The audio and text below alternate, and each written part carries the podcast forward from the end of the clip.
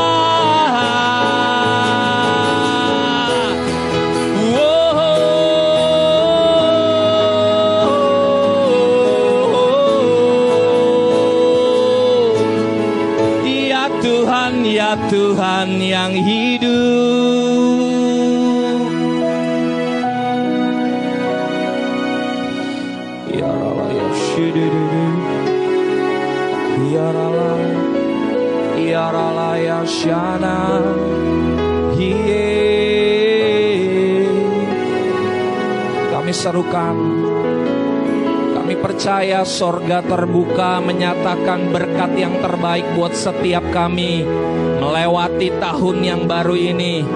Kami percaya sorga menyediakan yang terbaik buat kehidupan setiap umatmu. Hiarala ya Shana, hiarala. Kalaupun hari-hari ini kami harus melewati bahkan yang secara jasmani begitu banyak hal yang tidak mudah, pergumulan, kesukaran. Hari ini Engkau yang berkata buat setiap kami, pertolongan kami datangnya dari Tuhan yang hidup yang menjadikan langit, bumi dan segala isinya. Hari ini Engkau yang tidak akan membiarkan setiap kami goyah. Engkau Allah penjaga kami yang tidak pernah terlelap, tidak pernah tertidur buat kehidupan kami. Engkau Tuhan penjaga kami, Engkau Tuhan naungan kami. Kami berseru Engkau Allah yang menyertai kami sepanjang tahun ini, dari saat ini bahkan sampai selama-lamanya. Tuhan kami, Tuhan yang kami sembah, Tuhan yang hidup, Tuhan yang berkuasa, Tuhan yang memegang seluruh keberadaan setiap kami. Terima kasih Tuhan, terima kasih.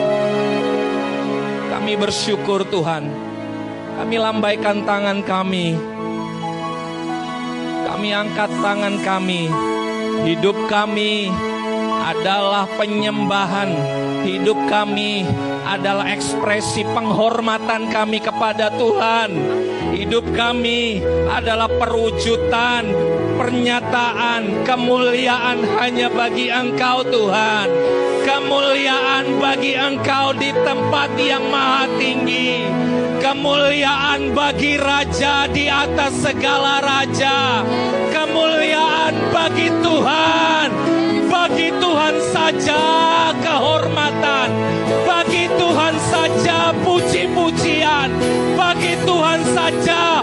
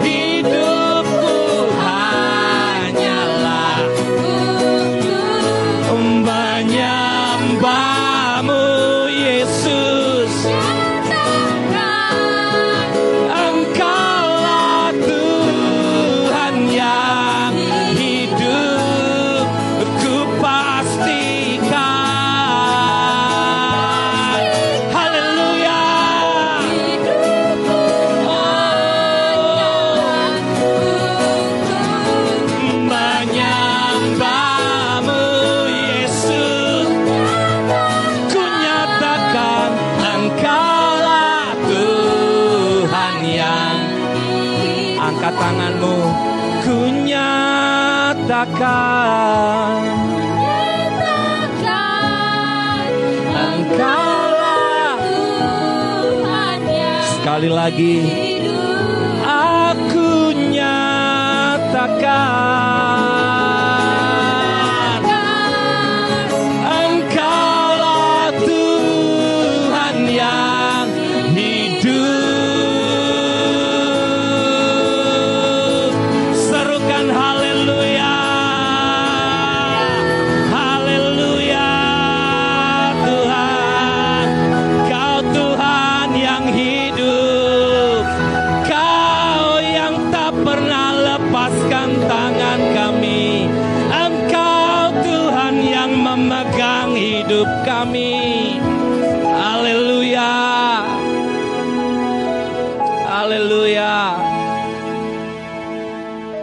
Justru kami lewati bahkan lembah yang kelam sekalipun ada tangan Tuhan yang memegang hidup kami, yang memastikan kami menikmati lembah yang bermata air. Kami nikmati sungguh kemurahan dan kebajikan. Hari ini kami percaya tahun-tahun yang di depan bahkan rasanya yang tidak pasti, tidak kami mengerti, tidak dapat kami prediksi, kami mengalami Tuhan, perjumpaan dengan Tuhan yang pasti membawa kepastian dalam hidup kami, yang pastinya membawa kelegaan buat setiap kami. Hari ini kami angkat tangan kami, Engkau sumber kemenangan kami, Engkau sumber kekuatan kami, Engkau sumber pengharapan kami. Hari ini mata kami tertuju kepada Tuhan. Kami tidak lihat sekeliling kami, yang kami pandang penyediaan Tuhan, penyediaan Tuhan. Engkau gembala kami yang baik.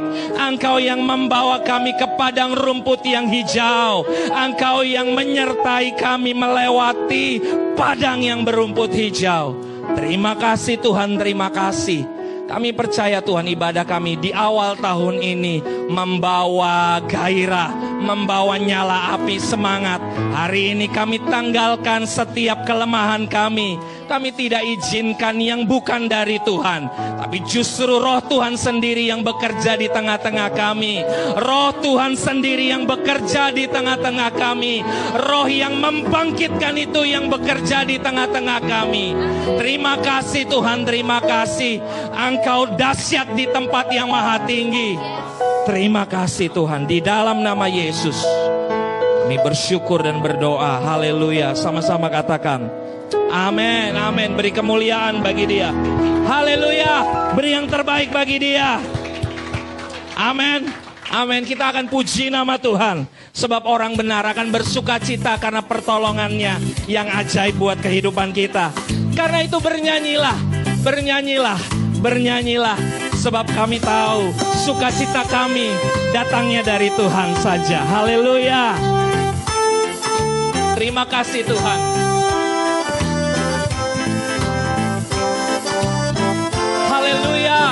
Kami mau berbahagia sebab Engkau Yesus kepunyaan kami. Haleluya, mari bertepuk tangan bersama. Ku berbahagia, yakin teguh, yakin teguh. Yesus abadi, Yesus abadi kepunyaanku.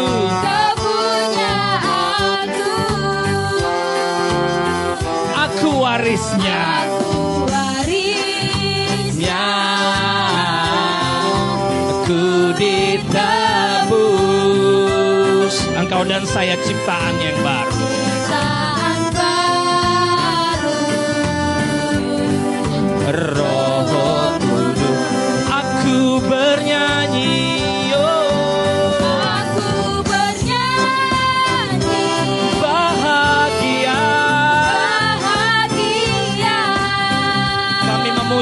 Namamu Tuhan. Memuji Yesus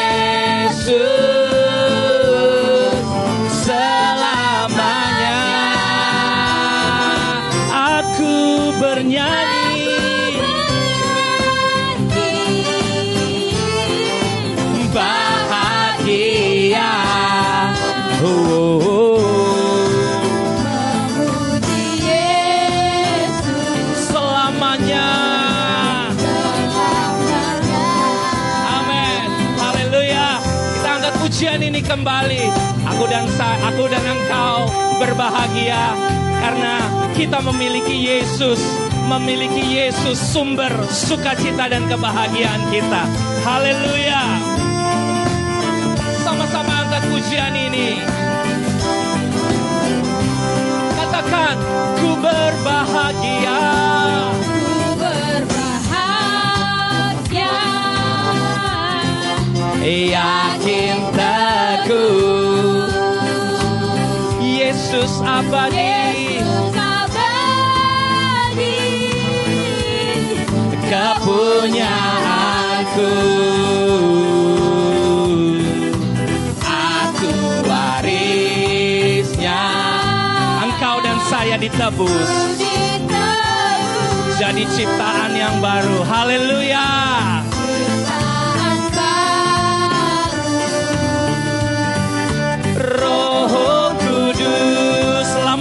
tanganmu tinggi di hadapan Tuhan. Aku bernyanyi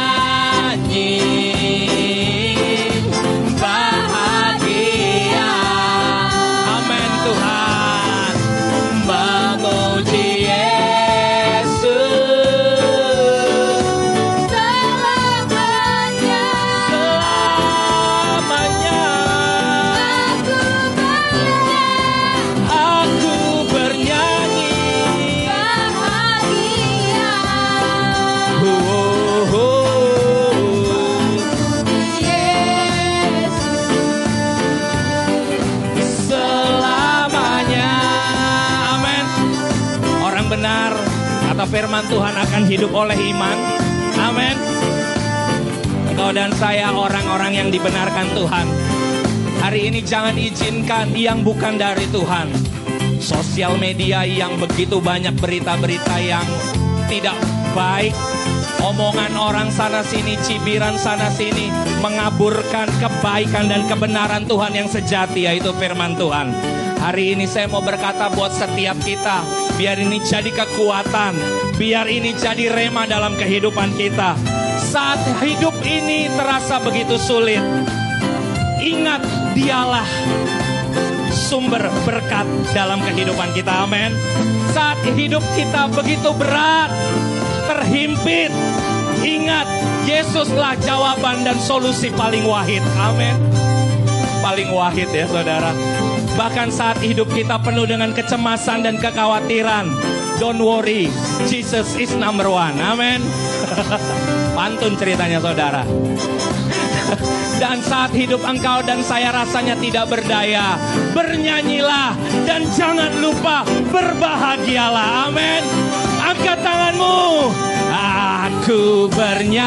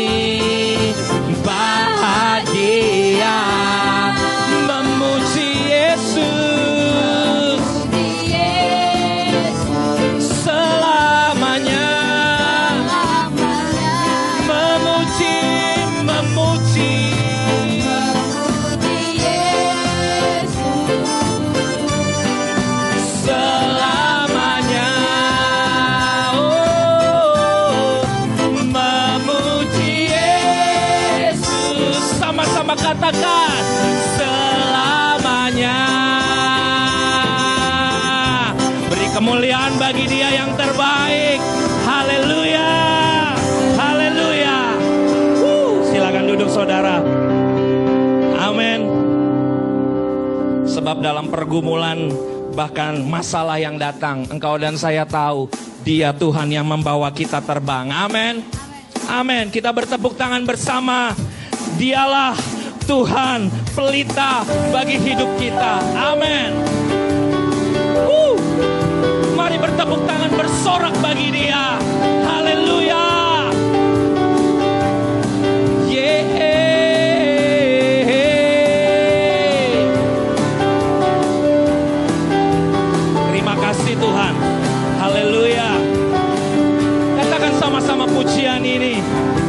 Firmanmu Tuhan. Firmanmu Tuhan. Pelita bagi kakiku. Janjimu terang bagi jalan-jalanku.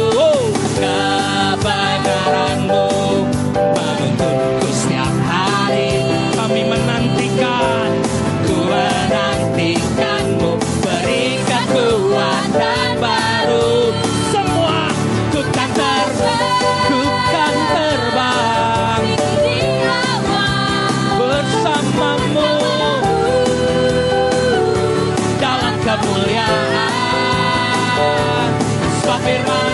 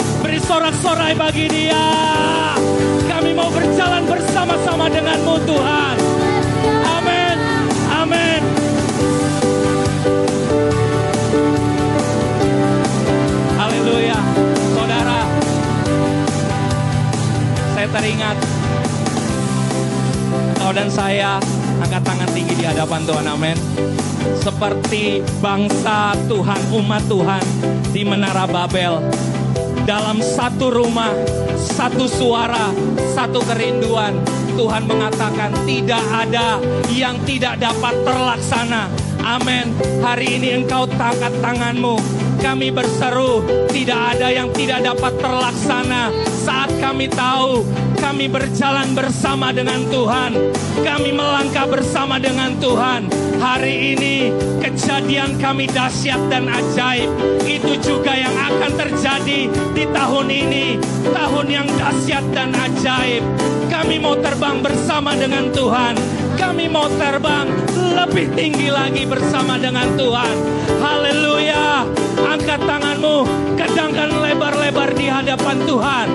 Ku kan terbang, terbang, terbang tinggi di awan. Ku kan terbang, terbang Terbang bersamamu lebih lebar lagi. Ku kan terbang, terbang, terbang tinggi di awan. Ku kan terbang, terbang, Terbang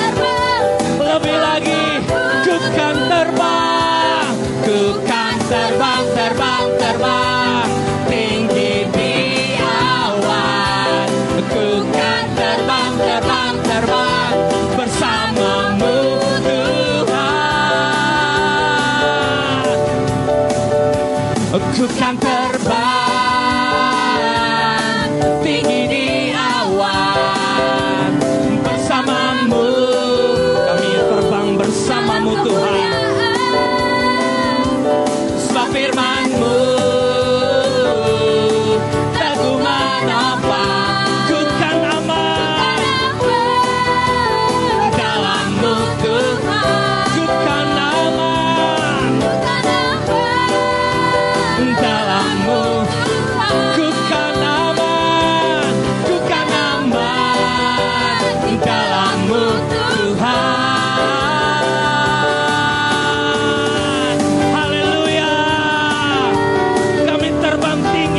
tinggi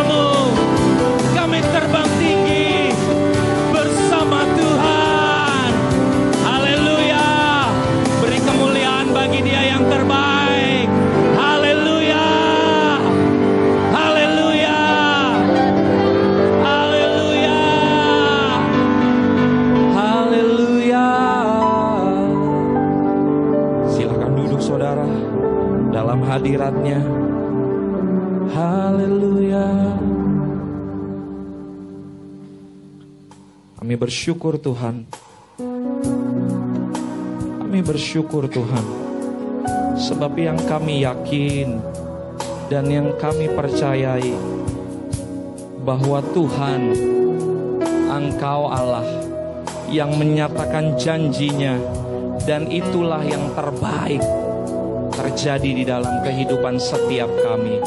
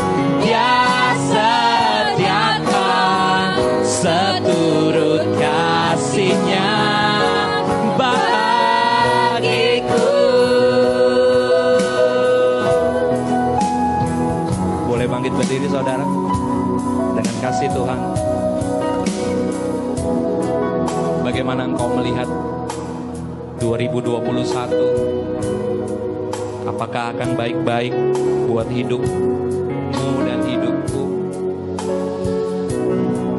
Sebab 2020 telah kita lewatin. Banyak hal yang gak mudah. Banyak hal yang mungkin sebagian orang bahkan terasa sulit.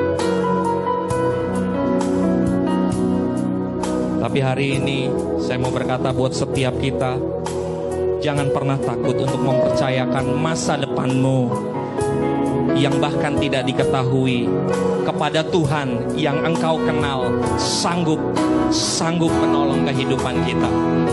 Sebab janjinya, sebab yang terbaik dia sediakan buat setiap kita.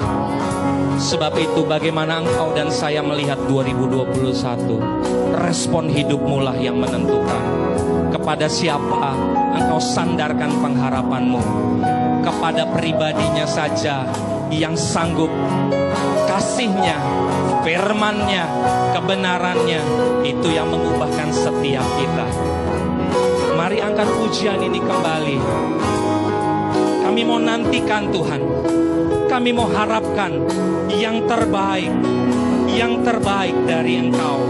Haleluya. Ku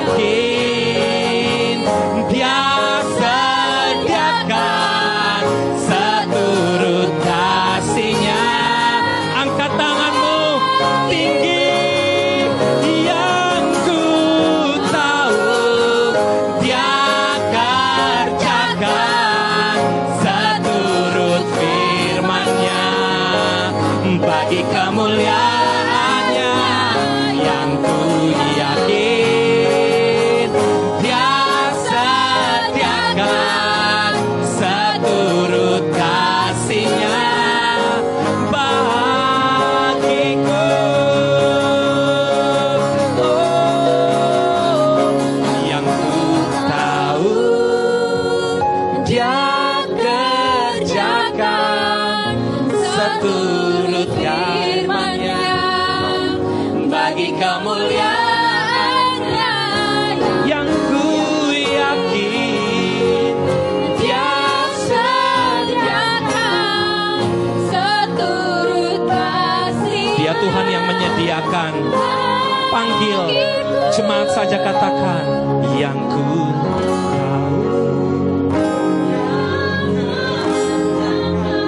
Engkau yang mengerjakan bukan hidup kami tapi Engkau yang di dalam kami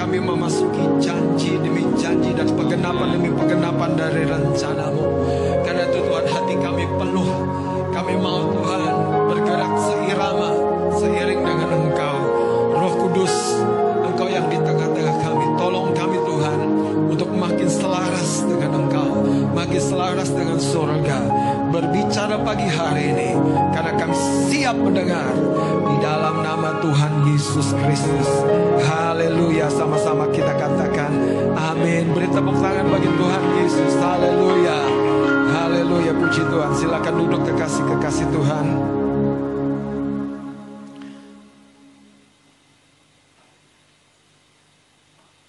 Setiap kali kita memulai tahun yang baru tentu ada pengharapan yang berbeda yang kita rindu alami dari Tuhan. Amin. Ya. Dan selalu ada hal-hal yang menarik yang telah kita kenang pada tahun sebelumnya. Tetapi Tuhan punya sesuatu yang lebih indah, lebih besar, bahkan lebih mencengangkan lagi yang akan dia nyatakan buat engkau dan saya. Amin. Ya. Alkitab yang berkata di tengah-tengah dosa di sanalah kasih karunia makin nyata luar biasa. Ketika ketidakberdayaan manusiawi kita diambil alih oleh pekerjaan kasih karunia, di situ Tuhan akan makin cemerlang bersinar di dalam hidup kita. Puji Tuhan. Haleluya. Amin. Mari kita lihat saudara dari Matius pasal yang ke-8.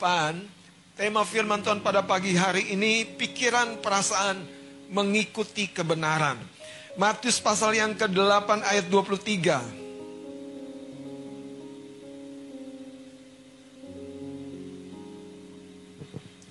Ini cerita yang dicatat oleh beberapa penulis Injil dan menarik di dalamnya saudara ada perspektif yang saling melengkapi. Saya akan baca ayat yang ke-23 dari Matius pasal yang ke-8. Angin ribut diredakan.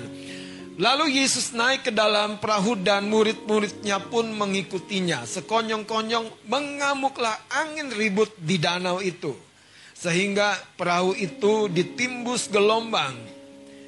Tetapi Yesus tidur. Maka datanglah murid-muridnya membangunkan dia katanya, Tuhan tolonglah kita binasa. Ia berkata kepada mereka, mengapa kamu takut, kamu yang kurang percaya? Lalu bangunlah Yesus menghardik angin dan danau itu. Maka danau itu menjadi teduh sekali. Dan heranlah orang-orang itu katanya, orang apakah dia ini? Sehingga angin dan danau pun taat kepadanya. Luar biasa ya. Mari kita lihat dalam Markus pasal yang 4 sekarang. Markus pasal 4 ayat 35. Judul yang sama dari penulis Injil Markus saya akan baca. Angin ribut diredakan pada hari itu ayat 35 waktu hari sudah petang Yesus berkata kepada mereka. Jadi Yesus memulai sebuah inisiatif.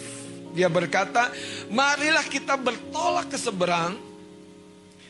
Mereka meninggalkan orang banyak itu lalu bertolak dan membawa Yesus beserta dengan mereka dalam perahu di mana Yesus telah duduk dan perahu-perahu lain juga menyertai dia. Ayat 37. Lalu mengamuklah taufan yang sangat dahsyat. Kekasih-kekasih Tuhan, bagian Alkitab ini berkali-kali saya coba sampaikan karena selalu ada kebenaran yang sederhana di dalamnya yang akan mengingatkan kita.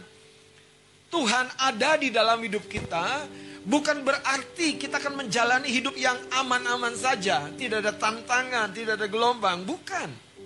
Bahkan sering kali saudara, seperti dia yang berkata, masuklah melalui pintu yang kecil, pintu yang sesak. Artinya, imanmu memiliki sebuah konsekuensi dan resiko tersendiri. Terkadang orang tidak setuju dengan kejujuranmu. Terkadang orang tidak suka dengan ketegasan, sikap, ketulusanmu. Tetapi saudara dengan baik bahwa ketika engkau menjalani kebenaran itu, pikiran dan perasaan kita yang harus menyelaraskan kepada kebenaran itu. Katakan amin. Sayangnya dalam cerita ini tidak demikian dengan murid-murid. Mari kita lihat saudara. Ayat 38 seperti sudah dicatat dalam Matius pasal 8 tadi, saya baca. Pada waktu itu Yesus sedang tidur di burita di sebuah tilam, maka murid-muridnya membangunkan dia dan berkata kepadanya, "Guru, engkau tidak peduli kalau kita binasa." Seringkali doa dalam keadaan kecemasan, ketakutan sebetulnya bukan doa iman lagi. Itu namanya doa kepepet. doa kepepet, saudara, ya kan? Duit udah nggak punya, cadangan devisa udah habis, mau jalan-jalan nggak ada, baru doa Tuhan kirimkan orang yang menolong aku. Doa kepepet ya. Tapi Tuhan maha baik, amin. Doa seperti itu pun didengarkan. Tetapi saudara kita harus naik level, katakan amin. Ya. Supaya tadi ketika pikiran dan perasaan kita selaras dengan kebenaran, di situlah sebetulnya cara hidup kita yang sesungguhnya.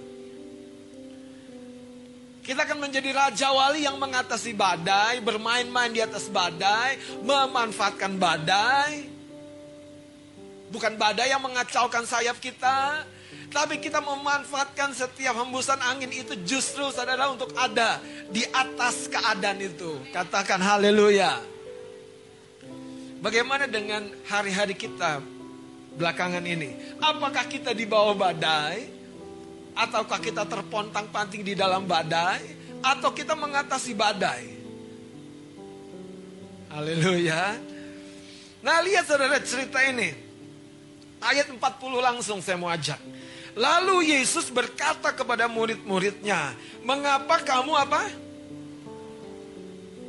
Kalau Anda ada di posisi murid-murid, respon dan reaksi yang pertama melihat sekonyong-konyong, tiba-tiba badai yang begitu dahsyat datang, apa yang muncul di hati dan pikiran perasaan kita? Normal kalau kita ketakutan. Tetapi ketika Anda menyadari bahwa engkau di dalam Yesus dan Yesus di dalam engkau, saudara harusnya perasaan itu menjadi tidak normal. Tidak normal lagi kalau kita menjadi begitu takut. Tidak normal lagi kalau kita begitu cemas. Tidak normal lagi kalau kita terus terpontang-panting dengan badai. Kenapa? Karena dia yang di dalam kita, dia yang bekerja seturut dengan kuasanya, saudara. Haleluya. Amin.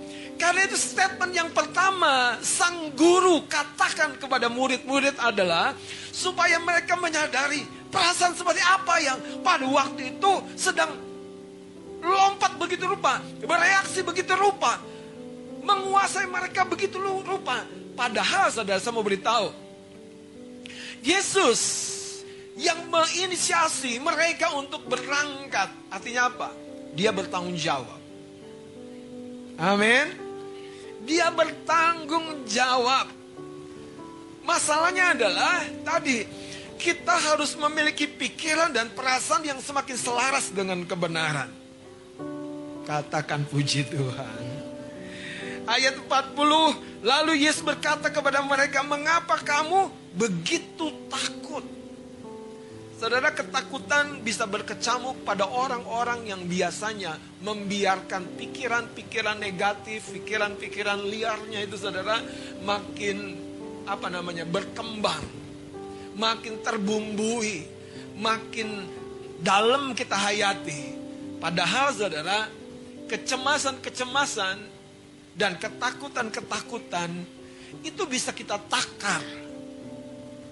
Dan kita bisa kurangi. Sederhananya adalah di pikiran.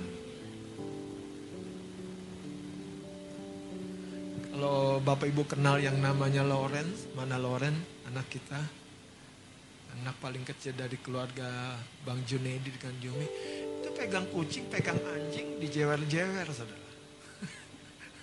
Karena di pikirannya belum masuk input. Kucing itu bisa mencakar kamu, belum masuk input. Jadi dia nggak takut. Nggak ada di pikiran perasaannya, kucing itu bahkan menerkam dia. Anjing pun juga gitu. Nggak ada. Haleluya. Saya percaya di pikirannya Yesus, itu nggak ada input badai, gelombang itu menenggelamkan dia. Itu yang membuat dia bisa tidur tenang dan dalam tanda kutip membiarkan sementara waktu murid-muridnya belajar dari sikon yang sepertinya tidak terkendali itu. Ada beberapa hal yang menarik saudara ketika kita melewati keadaan-keadaan seperti murid-murid ini. Seringkali kejadian-kejadian, masalah-masalah, tekanan-tekanan yang terjadi di luar sebetulnya Tuhan pakai untuk menunjukkan siapa kita di dalam. Siapa kita di dalam? Siapa kita yang sudah terbangun manusia batiniah ini yang bersifat kekal? Haleluya. Daud bisa kecil, remaja, kemerah-merahan. Tapi di dalamnya ada urapan Tuhan. Waktu dia melihat Goliat, saudara dia berkata, jangan satu orang pun menjadi tawar hati. Ini orang bukan sekedar motivator. Ini orang berada di garis depan, menjadi frontliner dan menunjukkan Allah mampu menangani hanya dengan satu orang ketika satu orang itu percaya sepenuhnya kepada kasih karunia Tuhan. Sementara Saul dengan seluruh tentaranya yang sudah diperlengkapi begitu rupa kecut hati, tawar hati, takut Nanti kita belajar, masalahnya sederhana. Sekali lagi, pikiran dan perasaan yang kita biarkan mengembara, yang kita tidak tertibkan dengan firman, akan segera membawa Anda makin turun, makin turun, dan makin turun, dan makin turun. Haleluya. Pada pelayan Tuhan dengarkan kata-kata saya. Kalau Anda mengandalkan hidup dengan pikiran dan perasaanmu yang sering kali sudah tidak selaras dengan firman, urapan tidak bisa bekerja dalam dirimu. Tidak bisa bekerja. Apa yang disentuh oleh Isabel dalam pribadi Elia. Pikiran dan perasaannya. Waktu Elia tertekan, waktu Elia takut. Urapan yang begitu dahsyat. Padam saudara. Bagaimana dengan kita? Anda tidak perlu saudara tertibkan yang di luar. Tertibkan yang di dalam. Makanya Yesus berkata apa? Kenapa kamu begitu takut? Artinya apa? Kita harus tertibkan pikiran dan perasaan kita sesuai dengan kebenaran. Yaitu apa? Guru yang mengajak kita menyeberang. Dia yang bersama dengan kita di perahu yang sama.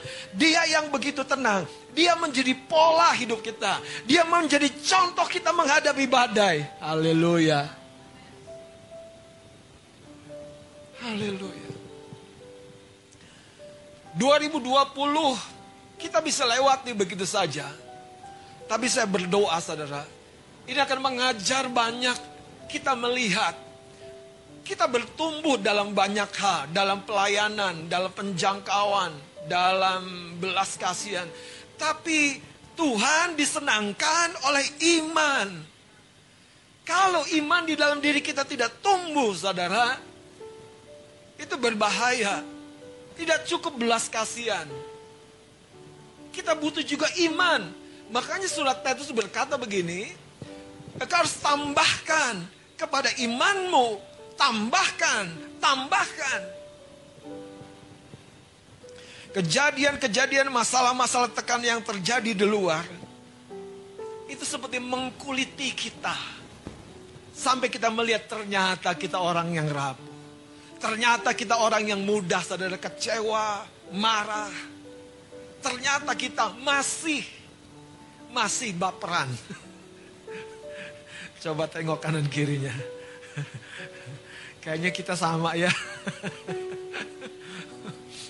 Gaji telat baperan nggak? Ngamuk. Atau sebaliknya Anda bilang begini, Tuhan tidak apa-apa telat. Aku tahu engkau sedang melipat gandakan bonusku. Orang yang rohani pikiran dan perasaannya saudara tidak jadi saudara begitu apa namanya terombang ambing seperti perahu di dihantam badai itu.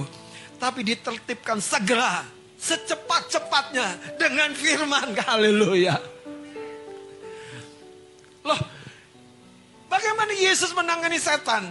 Waktu setan datang, hei Yesus anak Allah, kamu lapar kan? Lapar kan?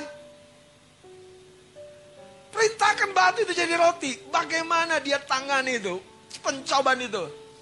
Dia keluarkan firman. Firman menyelaraskan pikiran dan perasaannya. Bukan omongan setan. Setan bisa aja pakai kanan, pakai kiri, pakai depan, pakai belakang, pakai masa lalu, masa depan dipakai semuanya. Tapi kita punya satu patokan yang iya dan amin, yaitu perkataannya yang kekal dan tidak berubah. Haleluya, amin. Itulah makanya saudara, setiap orang yang hidupnya dibangun oleh firman kebenaran, Mazmur pasal yang pertama, apa saja yang dibuatnya akan berhasil. Kenapa saudara? Dia akan bertindak menurut manusia batiniahnya, bukan menurut manusia lahiriahnya. Ya nggak ada pembeli, tutup. Sebaliknya nggak ada pembeli Tuhan, engkau yang mengirimkan pembeli bagiku. Kenapa? Karena engkau yang memerintahkan tahun ini, aku akan buka usaha. Iya, itulah iman. Itulah yang menyenangkan Tuhan. Ketakutan, khawatir, kemarahan, apa pun jenis perasaan dan pikiran yang bisa berkecamuk. Ini sering kali yang akan menghalangi iman kita bekerja. Kenapa saudara? Karena iman butuh tindakan. Tapi tindakan yang didorong oleh pikiran perasaan yang kalut bukan iman. Dengerin kekasih-kekasih Tuhan. Minum obat itu bagian dari iman nggak? Ini pelajaran yang dasar sekali. Kadang-kadang kita pikir itu bukan iman, itu iman.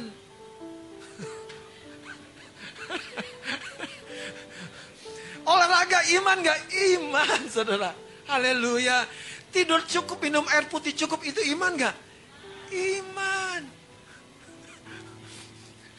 Cuman kadang-kadang saudara, kita lakukan hanya dengan kebiasaan pada satu titik, itu akan tergoyahkan. Kenapa? Karena kita tidak punya prinsip dasarnya yang menjaga, yaitu fondasinya saudara.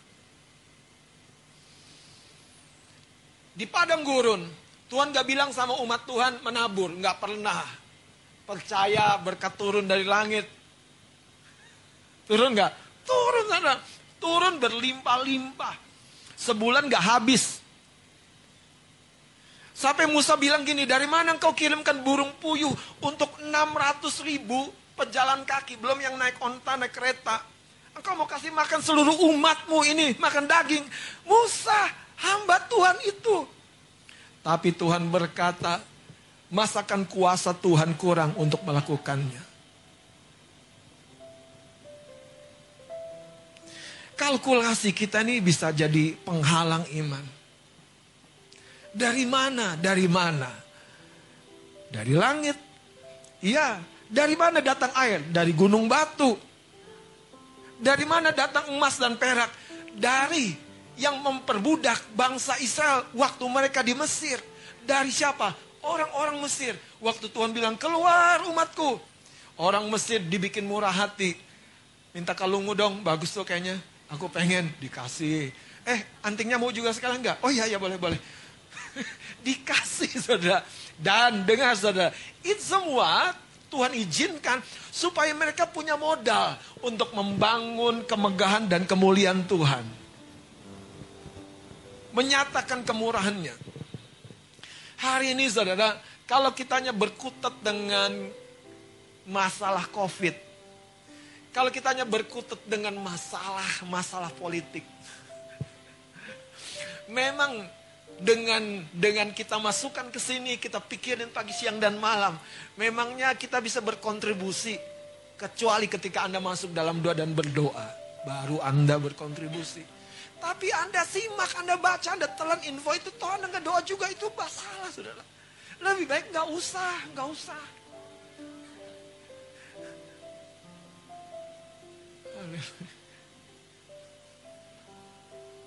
Oke, mari kita belajar dari sikap Daud. Ada tiga hal yang sederhana yang penting, saudara. Supaya pikiran dan perasaan kita selaras dengan kebenaran. Supaya ketika pikiran perasaan kita mengikuti kebenaran, keajaiban pasti terjadi. Pasti terjadi. Kita lihat saudara 1 Samuel pasal yang ke-17.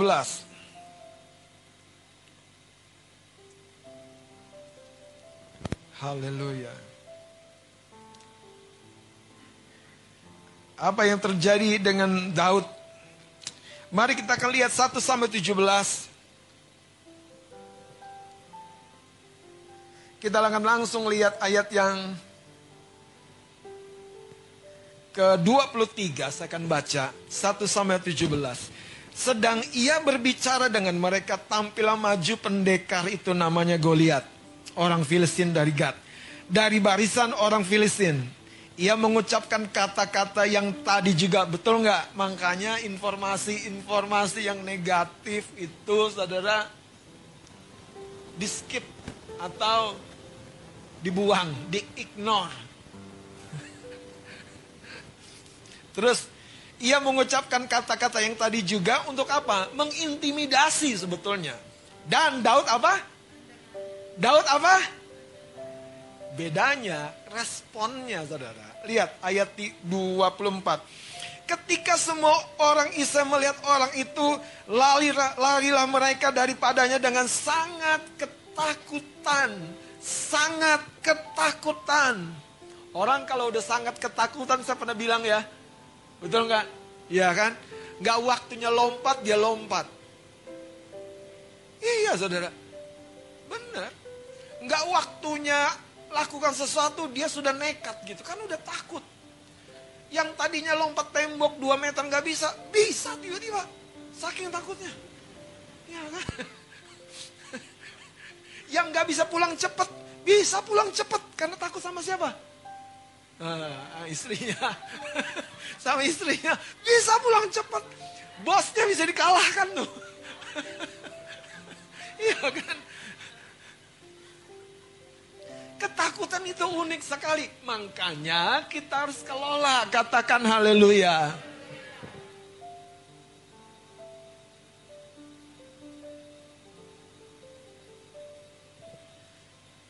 Saya dalam tanda kutip bersyukur kalau di tengah-tengah kita sempat Tuhan izinkan ada yang mendarat di Wisma Atlet. Nyatanya tau dia senyum-senyum sekarang tuh ketawa ketiwi. Dan camping, makan gratis, minum gratis, diteleponin teman-temannya, ketawa ketiwi. Ya, saya bilang enakan dia daripada kita yang di sini. Waktu itu terjadi coba. Waktu info pertama, uh, inisial Y. Jelas. yang muncul? Halo, ayo kita jujur. Apa yang muncul? Ketakutan? Wih, aku dipeluk dia. Ulang tahun pula lagi kan. Makanya hari ini Pak Pendeta ulang tahun, hati-hati.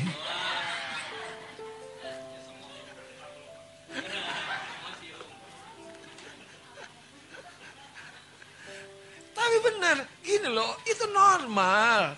Cuman hari ini kita belajar kelola.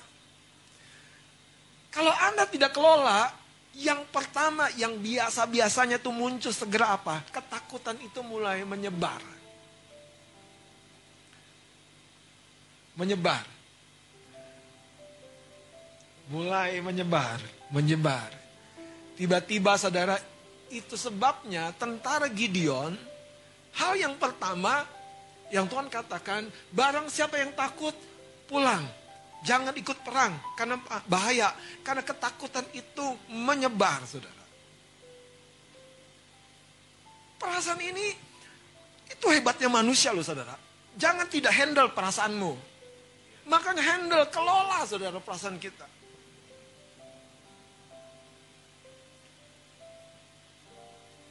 Kami di sekretariat, ya puji Tuhan, nggak ada jalan lain. Perahu tetap berlayar. Ibadah harus tetap jalan.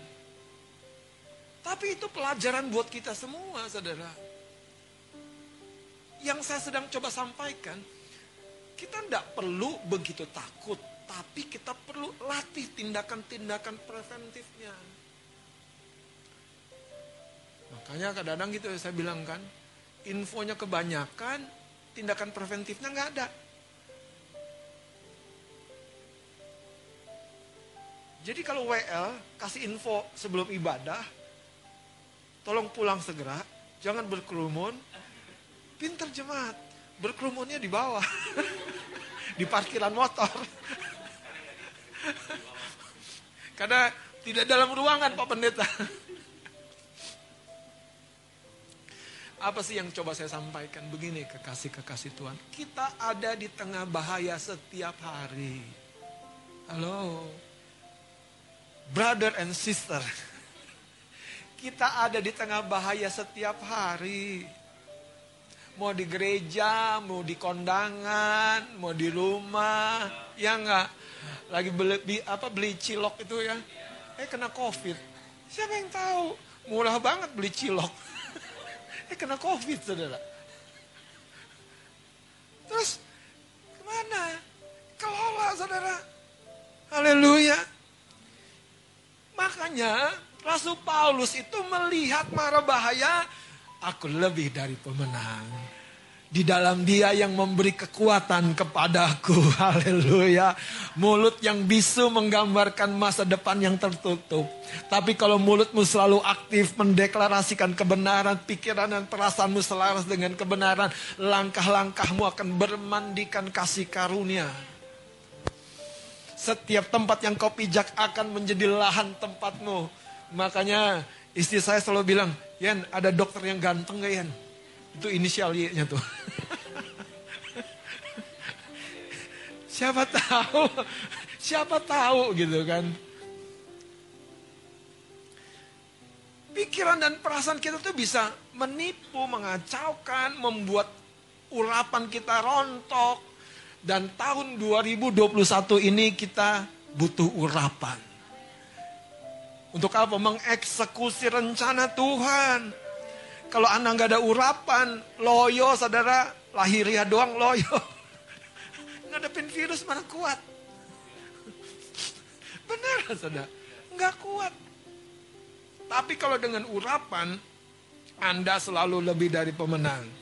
Lihat saudara ayat 24, ketika semua orang Israel melihat orang itu, larilah mereka daripadanya dengan sangat ketakutan.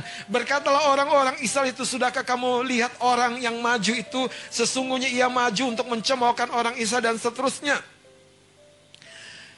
Haleluya. Daud merespon ayat 26-nya. Lalu berkatalah Daud kepada orang-orang yang berdiri di dekatnya, apakah yang akan dilakukan orang kepada orang yang mengalahkan orang Filistin itu dan yang menghindarkan cemooh dari Israel? Siapakah orang Filistin yang tak bersunat ini sampai ia berani mencomot barisan daripada Allah yang hidup? Daud memiliki sebuah respon yang tidak dimiliki oleh kakak-kakaknya. Saudara saya mau simpulkan bagaimana Daud menghadapi Goliat. Yang pertama, dia menjaga identitas dirinya dalam sudut pandang yang tepat.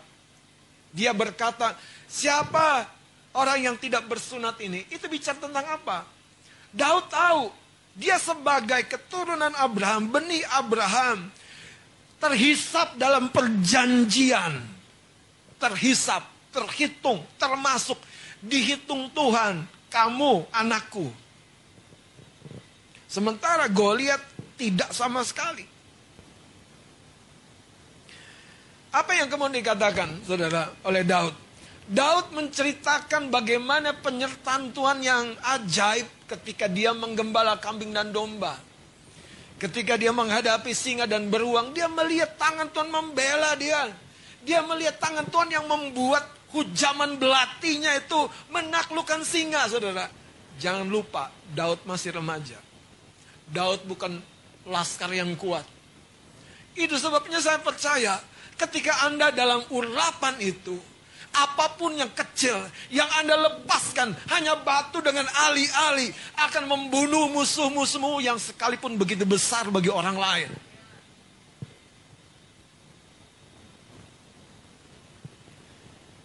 Yang tidak kalah penting, bagaimana Daud merespon? Daud merespon tidak kepada siapa? kepada pemikiran yang negatif tentang dirinya yang masih kecil.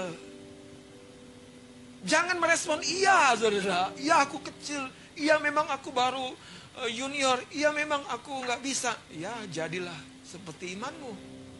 Daud tidak begitu. Daud merespon tidak kepada tubuhnya yang kecil sekalipun. Daud merespon tidak kepada kekurang pengalamannya dalam berperang. Apakah Anda berespon iya? Respon tidak. Kalau Tuhan yang bersama dengan kita, kita akan diberikan hikmat dalam memulai bisnis ini. Dalam melakukan ini. Dalam berjalan menuju tujuan ini. Kenapa? Tuhan yang bersama dengan kita segalanya. Daud merespon tidak kepada besarnya tantangan, besarnya kebutuhan. Saya berdoa, Apa pun yang kita perhadapkan, apa pun yang diperhadapkan kepada kita hari-hari ini, kita pilih respon yang terbaik. Mana yang kita katakan iya kepada janji Tuhan, mana yang kita katakan tidak kepada intimidasi setan, intimidasi dunia.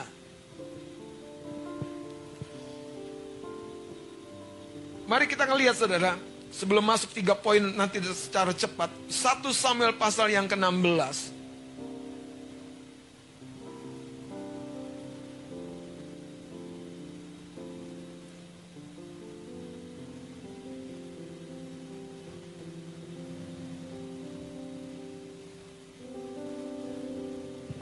1 Samuel pasal yang ke-16.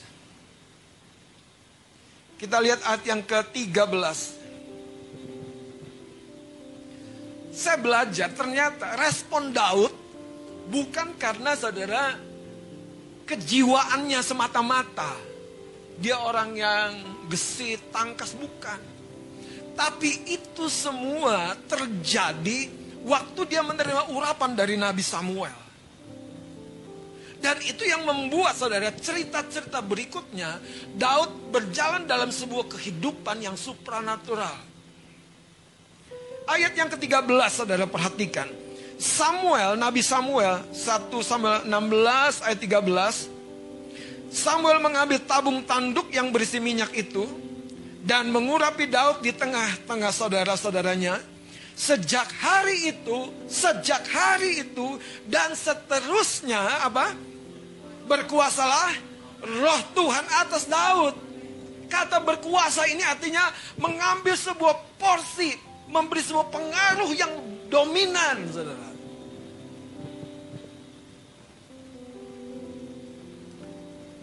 Tekanan boleh datang dalam porsi yang belum pernah kita lihat.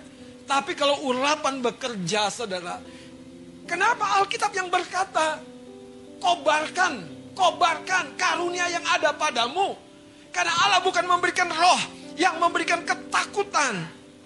Tapi ketertiban, kasih, dan kekuatan. Bagaimana caranya? Kobarkan, kobarkan saudara. Bedanya saudara lihat dengan Saul ayat 14. Sementara Daud justru menerima urapan. Ayat 14 mencatat 1 sama 16. Tetapi roh Tuhan telah mundur daripada Saul dan sekarang ia diganggu oleh roh jahat yang daripada Tuhan. Kalau kita baca seterusnya, apa indikasinya? Saul menjadi begitu melo, saudara. Saul menjadi tidak sabaran. Saul menjadi gelisah. Saul menjadi takut. Saul tidak bisa tenang dalam keadaan di mana orang tenang. Apalagi kalau dalam marah bahaya. Kalau kita dalam keadaan tidak ada bahaya mengancam saja, pikiran kita sudah negatif, kalut. Kita harus sadar, saudara. Ada yang hilang dari diri kita. Dengarkan pelayan-pelayan Tuhan. Jangan sekedar sense dengan urapan. Tapi kita harus belajar sense atau sadar. Ngeh, waktu urapan pergi. Itu yang membuat kita lari. Lari ke mesbah doa kita. Lari.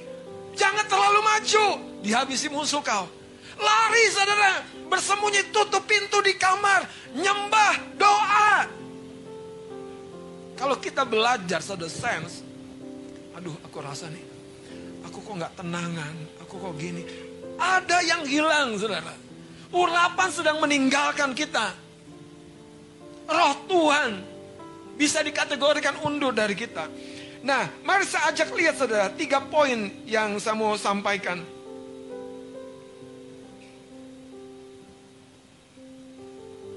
Hidup dalam urapan. Yang pertama saudara,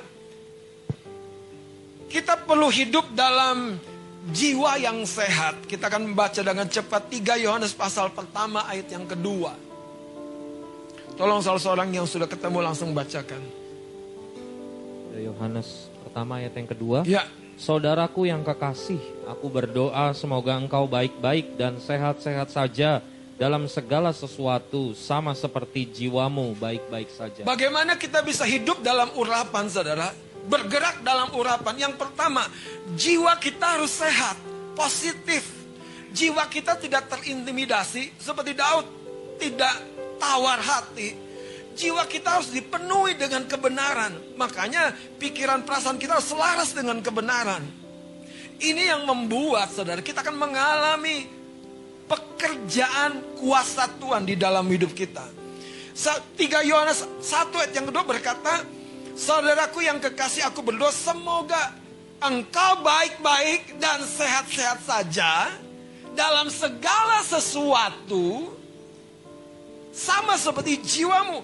Jadi kesehatan jiwa itu permulaan daripada kesehatan hubungan, kesehatan ekonomi, kesehatan keuangan. Jiwa yang sehat itulah yang Alkitab catat yang dia berkata hendaklah pikiran dan perasaanmu selaras dengan pikiran dan perasaan yang ada di dalam Kristus. Kalau setiga ayat 1 dan 4 tolong seorang baca. Ya. Ya. Karena itu kalau kamu dibangkitkan bersama dengan Kristus, carilah perkara yang di atas, di mana Kristus ada, duduk di sebelah kanan Allah. Ya. Pikirkanlah perkara Pikirkan yang di atas. Lakukan dengan aktif, lakukan dengan sengaja. Pikirkan perkara yang di atas, jangan yang di bumi. Yang membuat engkau makin merosot, makin merasa kecil, makin merasa tertinggal, makin merasa tidak berdaya. Tapi pikirkan perkara yang kekal. Pikiran, perasaan kita, saudara. Itu salah satu kunci kita bisa hidup dalam urapan dengan baik. Lanjut. Sebab kamu telah mati dan Ya. hidupmu tersembunyi bersama dengan Kristus di dalam Allah. Apabila Kristus yang adalah hidup kita menyatakan diri kelak, kamu pun akan menyatakan diri bersama dengan dia dalam Haleluya. kemuliaan. Makanya saudara kitab Kolos ini berkata, pikirkan perkara yang di atas. Kenapa? Karena di situ kuncinya. Ketika kau dan saya tiba-tiba menjadi melo, menjadi marah, menjadi kecut hati, tawar, saudara. Lihat, kita selalu melihat jalan buntu. Sementara orang yang punya inisiatif, punya ide. Kenapa? Karena dia tidak biarkan pikirannya terkurung. Yang kedua, saudara. Bagaimana kita bisa makin hidup selaras pikiran perasaan kita dengan kebenaran. Hidup dalam urapan yaitu hidup dalam kobaran roh. Itu yang tadi saya sudah ungkapkan. 2 Timotius ayatnya pasal yang pertama ayat 6 dan 7. Ini ayat kalau boleh saya bilang yang patut buat kita pahami dengan baik. Kenapa? Karena kita perlu kobarkan. Kalau kita tidak kobarkan, kita terima urapan dari siapa pun tidak bertahan lama. Engkau dan saya yang punya kuncinya untuk mengobarkan. Tolong boleh dibacakan lagi Mas Adit. Karena itulah kuperingatkan engkau untuk mengobarkan Ya. karunia Allah yang ada padamu Amin, oleh amin. penumpangan tanganku Ya. atasmu. Sebab Allah memberikan kepada kita Allah memberikan kepada kita. bukan roh ketakutan, Jadi Tuhan selalu memberi. Jadi tidak dia tidak membiarkan kita kosong. Tapi kalau ada sesuatu yang negatif, yang tawar, yang sendu, yang bingung, yang patah semangat, itu pemberian yang bukan dari Tuhan. Lanjutkan. melainkan Ya. roh yang membangkitkan kekuatan, Amin. kasih, Iya. dan ketertiban. Kekasih-kekasih Tuhan, hidup dalam kobaran roh. Jangan hidup dengan kenangan, tapi hidup selalu dengan kobaran roh. Hidup dalam sebuah api yang menyala-nyala.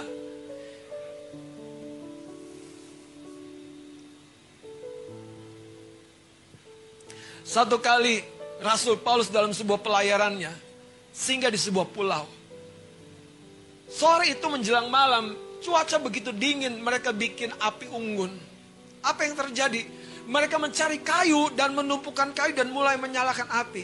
Tidak berapa lama, keluar dari api, dari tumpukan kayu di mana sang rasul meletakkan kayu, ular memagut tangan Rasul Paulus. Apa yang saya mau katakan? Orang yang mengizinkan kobaran apinya terus menyala hangat, tidak akan bertahan ular bersembunyi. Tidak akan bertahan ular jenis apa pun bersembunyi. Bahkan kalau boleh saya katakan, kita akan mengalami sebuah fase yang namanya kelepasan pribadi. Hamba Tuhan hanya membantu. Tapi kalau kobaran api di dalam diri kita begitu kuat, begitu menyala-nyala saudara. Roh tidak akan tahan bersembunyi. Ini sebabnya waktu kita doa menyembah dalam bahasa roh. Izinkan kita tuning masuk dalam frekuensi yang sama. Dan kita mengalami kobaran api saudara. Haleluya. Amin. Yang ketiga, yang terakhir. Yang pertama kita perlu hidup dalam jiwa yang sehat. Yang kedua hidup dalam kobaran roh. Yang ketiga saudara. Hidup untuk melakukan kebaikan. Kejadian 4 ayat 6 sampai 7. Orang yang hidup hanya untuk menikmati yang baik, bukan melakukan yang baik, apa yang terjadi dengan kain bisa terjadi dalam hidup kita. Kejadian 4 ayat 6 dan 7 saya akan baca. Firman Tuhan kepada Kain. Mengapa hatimu panas dan mukamu muram? Apakah mukamu tidak akan berseri jika engkau berbuat baik? Apakah mukamu tidak akan berseri jika engkau berbuat baik? Kadang-kadang saudara dorongan di hati untuk mengirimkan sebuah pesan. Jangan tahan perbuatan baik itu. Kadang-kadang kita didorong untuk mengunjungi, untuk menyapa tetangga, untuk melakukan yang tidak masuk logik, logika kita saudara. Tapi waktu dorong itu mendorong kita dan itu sesuatu yang baik yang dari Tuhan. Saya mau kasih tahu saudara.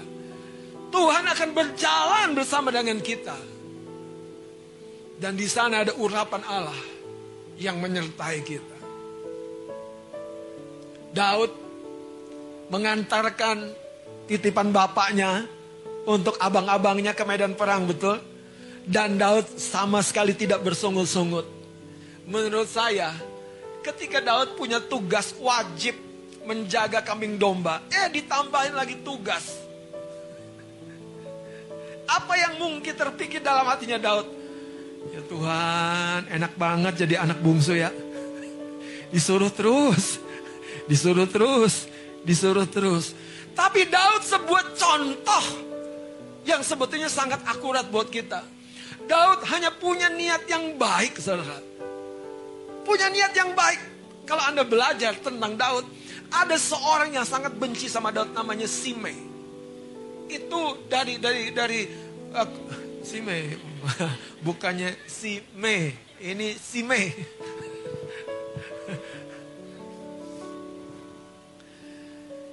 Dia selalu benci sama Daud, saudara. Bayangkan, ketika Daud lagi naik ke atas gunung untuk mengungsi, panglimanya bilang sama Daud, izinkan tuanku raja, ini sekali tebas selesai orang ini. Ngapain kau biarkan dia terus mengutuki raja? Daud bilang begini, Panglimaku, kalau Allah mengizinkan dan menyuruh dia untuk mengutuki kita, siapa yang bisa memberhentikan dia? Daud itu tidak konflik yang pertama dengan perjalanannya ketika dia di apa namanya digusur tahtanya oleh anaknya sendiri. Daud nggak punya roh persaingan. Daud belajar lepas yang dari Allah akan dijaga oleh Allah. Makanya saudara itu yang membuat ketika panglimanya bilang izinkan ku nyebrang, ku tebas sekali selesai. Daud justru bilang jangan. Dan cerita Sima itu panjang loh. Sampai setelah Daud pulih, kembali lagi ke kerajaannya. Simei betul-betul sudah tidak dibunuh. Tidak. Artinya apa? Daud punya hati yang pure. Itu yang membuat saudara urapan Allah mudah bergerak dalam kehidupannya. Hidup untuk melakukan kebaikan.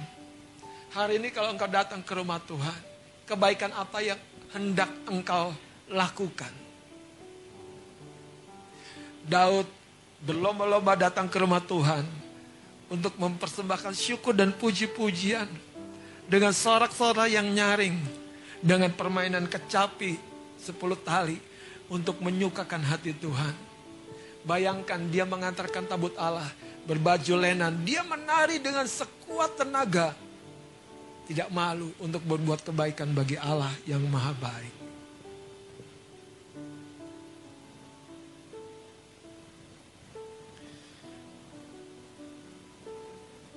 Kalau ada waktu saya mau terangkan lebih dalam lagi. Karena gereja, dengarin. Ini yang akan terjadi. Tuhan akan curahkan dua kali lipat pekerjaan rohnya menjelang kedatangannya. Tapi kita harus ngerti saudara berespon. Kalau kita tidak belajar mengelola pikiran dan perasaan kita, kita akan mudah kehilangan urapan. Siapa Saul? Diurapi nabi yang sama yang mengurapi Daud. Kenapa Saul merosot? Kenapa Daud, Daud justru makin naik? Kenapa? Karena Saul tidak mengizinkan dirinya dikoreksi. Ingat 1 sama 13. Itu kisah yang menyedihkan ketika Saul memberontak untuk tidak melakukan apa yang diperintahkan oleh Tuhan. Samuel sampai bilang begini sang nabi, apakah membawa korban ke rumah Tuhan lebih baik daripada tunduk dan taat kepada suara Tuhan? Kenapa Saul tidak bisa mempertahankan? Karena Saul mengizinkan sikap hati yang lama. Ketika Daud sukses, dia cemburu. Cemburu Saul. Cemburu sama Daud juniornya. Ketika wanita-wanita menyanyikan lagu, Daud mengalahkan berlaksa-laksa tetapi Daud. Saul mengalahkan berlaksa-laksa beribu-ribu. Tapi Daud mengalahkan berlaksa-laksa. Itu muncul saudara kemarahannya. Kenapa Saul tidak bisa terus mencapai destininya? Dengerin saya, karena dia kehilangan urapan. Ini gak main-main. Karena dia kehilangan urapan. Kenapa Yudas dipakai Tuhan? Tapi di titik yang paling menentukan, tergoda dengan uang. Dan Dia membiarkan pikirannya yang dari luar itu masuk menggoda dia untuk apa? Menyerahkan gurunya. Dan anehnya, waktu pemuka agama, orang Farisi membayar atas persepakatan menyerahkan gurunya itu, Yudas terima. Yudas terima. Uang mengacaukan urapan dalam diri Yudas. Padahal urapan itu dia terima dari, dari siapa? Dari Yesus sendiri. Siapa kita? Orang yang harus memposisikan diri seperti Daud. Aku hendak bersyukur pada Tuhan karena keadilannya. Daud punya hati yang terus dijaga bersih. Sama musuh aja bersih, coba bayangin. Dia nggak pernah pengen membunuh Saul yang berkali-kali mau membunuh dia. Daud hanya mau berbuat kebaikan. Sebaliknya, Saul tidak demikian. Pagi hari ini gereja Tuhan, urapanlah yang membuat engkau seperti Daniel sepuluh kali lipat lebih cerdas. Urapan itu apa? Pekerjaan roh Tuhan. Pekerjaan roh Tuhan di dalam diri kita. Makanya saudara, yang pertama, kita harus jaga jiwa kita. Jaga jiwa kita. Kedua, kobarkan, hidup dalam kobaran roh. Yang terakhir saudara, izinkan kita terus saudara berjalan dalam kehidupan yang melayani Tuhan dan sesama. Mari kita bangkit berdiri.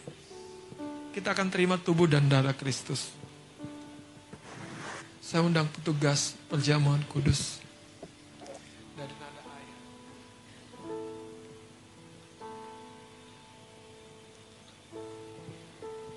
Petugas perjamuan kudus.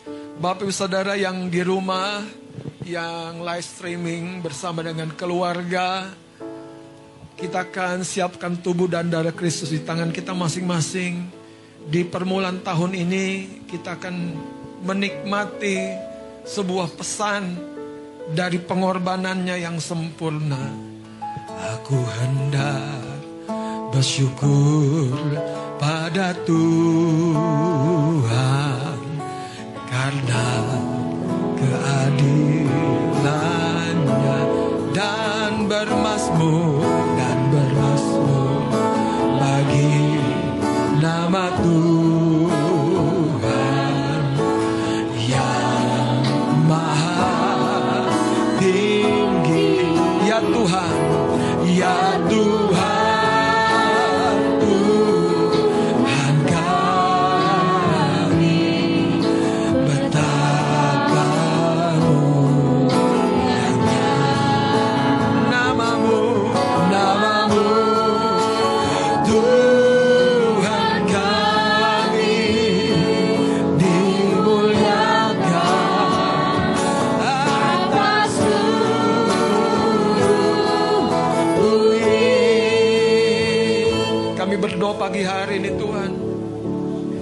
Sementara-sementara kami akan menerima tubuh dan darah Kristus. Kuasa rohmu menaungi para pelayanmu. Menyertai kami di tempat ini dan di rumah kami masing-masing. Biarlah jiwa yang sehat, jiwa yang bersih akan terus bergelora dalam diri kami. Roh kami Tuhan akan berkobar-kobar karena rohmu di dalam kami. Kami rindu berbuat yang terbaik. Hanya yang baik, hanya yang menyenangkan. Kuasamu menyertai para pelayanmu tubuh Kristus akan kami terima. Di dalam nama Yesus. Di dalam nama Yesus silakan bagikan. Aku hendak.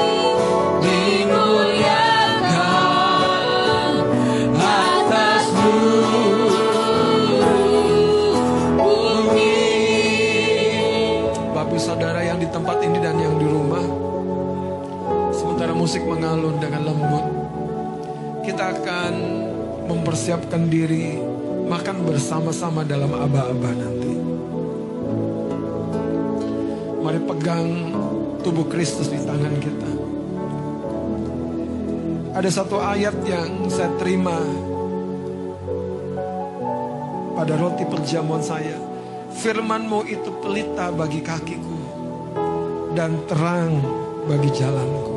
Amin.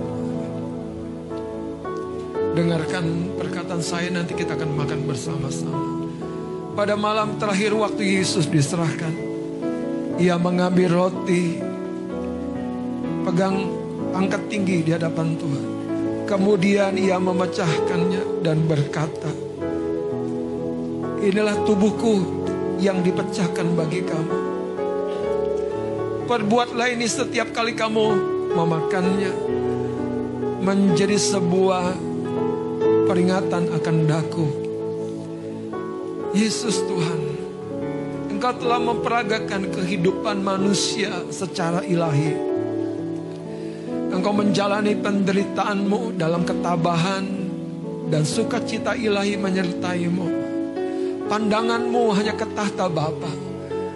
Tolong kami Tuhan hidup secara demikian supaya mengawali tahun 2021 ini mata kami tidak dikaburkan ketika tiba-tiba datang gelombang.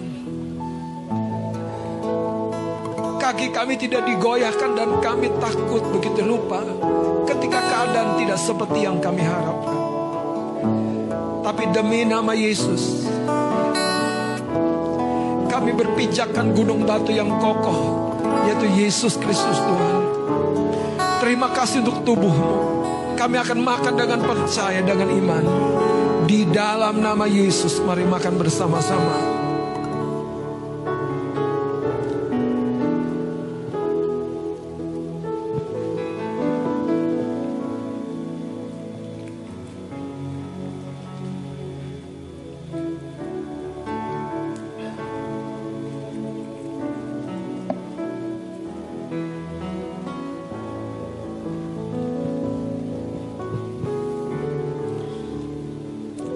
Ketawaran hati datang, mulutmu akan mulai mengaminkan atau mengcounternya.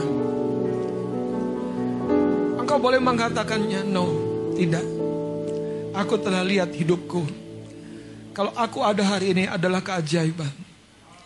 Kalau aku ada bersama-sama beribadah hari ini, itu adalah bukti keajaiban.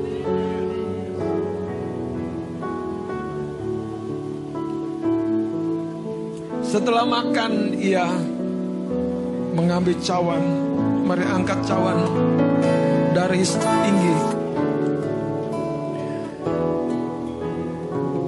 Inilah cawan yang dimateraikan oleh darah perjanjian darah Yesus yang memateraikan semua yang telah dia lakukan untuk engkau dan saya sehingga engkau di dalam dia lebih dari pemenang bukan hanya kata-kata tapi pikiran dan perasaanmu akan memanifestasikan kebenaran itu. Kesembuhan akan menjadi bagian tubuhmu. Kesehatan ilahi mengiringimu sepanjang tahun ini. Tidak ada mara bahaya datang ke rumahmu karena darah Yesus bersamamu. Darah Yesus memateraikan hidupmu. Darah Yesus menudungi seluruh keberadaanmu, keluargamu, pekerjaanmu, anakmu. Ada darah Yesus. Kami mengucap syukur Bapa. Kami akan minum dengan percaya darah yang membawa keselamatan. Darah yang memateraikan semua janji Allah genap dalam hidup kami. Di dalam nama Yesus. Dalam nama Yesus mari minum bersama-sama.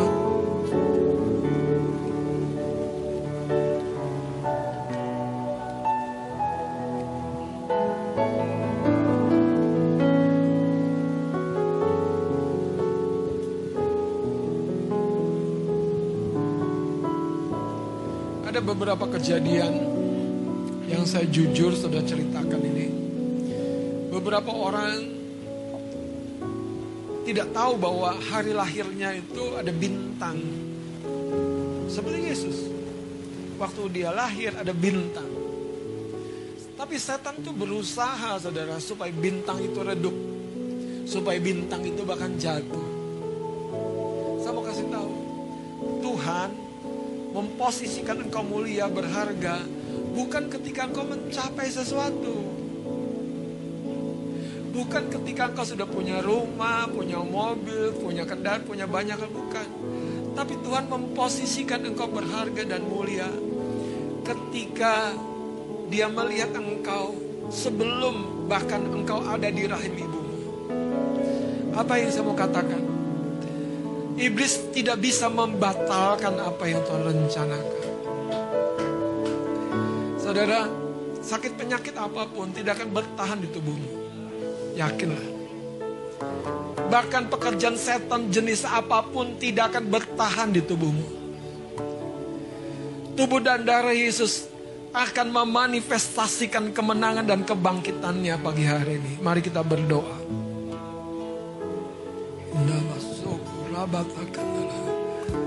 Aku mengangkat tangan Tuhan kepada umatmu.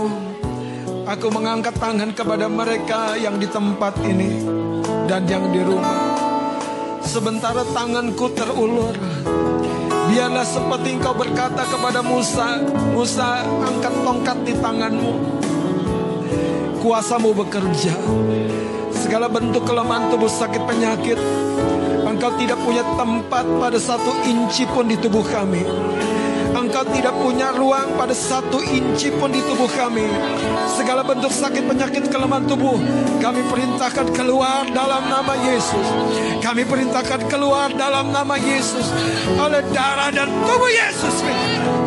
Kami hardik kau anyah dalam nama Yesus. Keluar dalam nama Yesus. Keluar dalam nama Yesus. Keluar dalam nama Yesus segala bentuk kepasifan, segala bentuk kebingungan, segala bentuk tekanan di dalam jiwa, intimidasi, depresi, frustasi, kekalutan.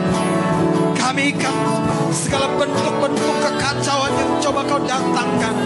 Hari ini kami singkirkan engkau dari pikiran dan perasaan kami. Di dalam nama Yesus. Di dalam nama Yesus. Dalam nama Yesus. Bangkitlah air roh. Bangkitlah jiwa. Biarlah kemenangan Kristus dinyatakan. Di dalam nama Yesus. Di dalam nama Yesus. Karena ada materai tubuh dan darah Yesus pada tubuh ini. Pada jiwa ini. Syakaralabataka. Mari kita angkat tangan kita untuk masa depan.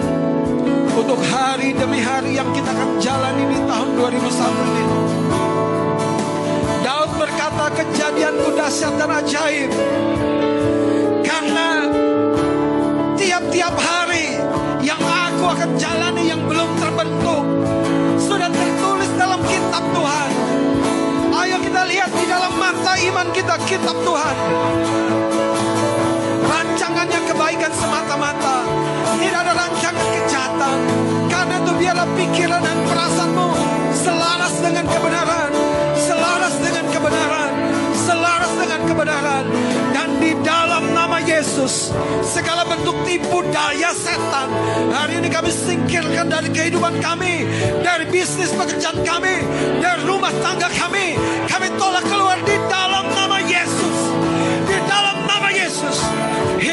bukan hanya beruntung, tapi kami dikasihi Allah.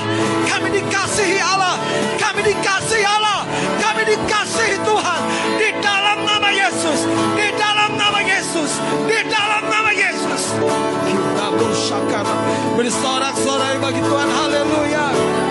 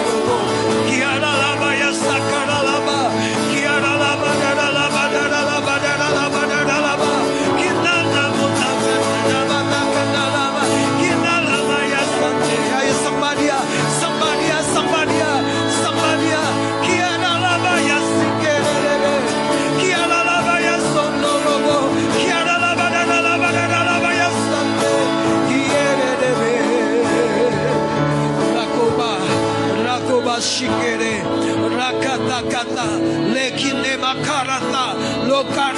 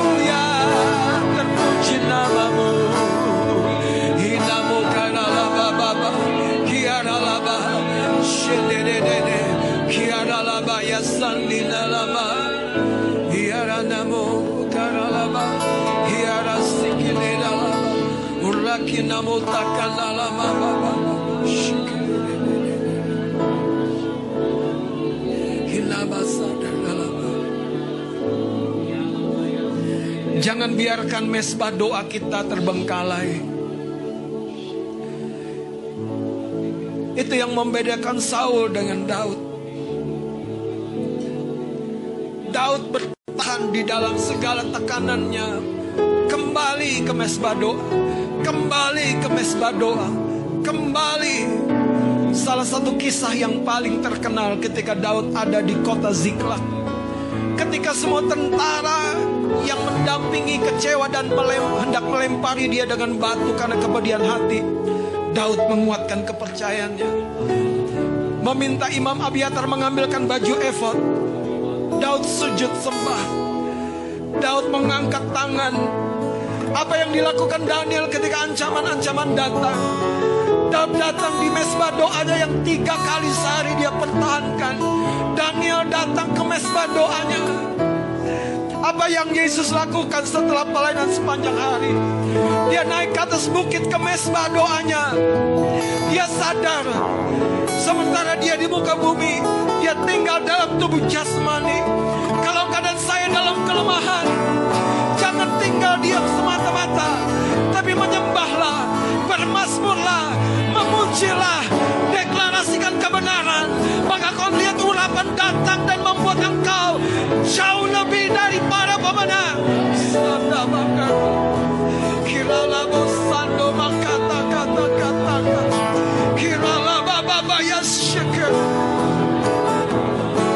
Engkau akan seperti kota yang berbenteng. Engkau sukar ditembus. Engkau ditembus. Terlalu sukar untuk ditembus. Lebekai biasa kenene. Bakoria laba baba ya sandalaba. Ketekia laba baba ya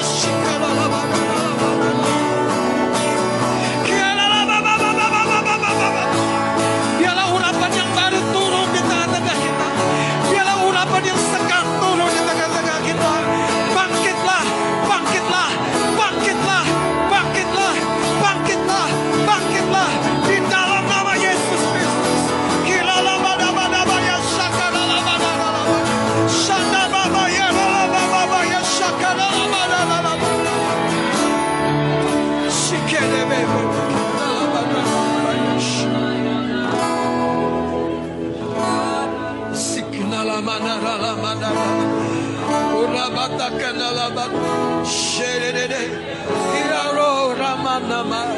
Iralo masinde nalo. Hiradida masandi na yare.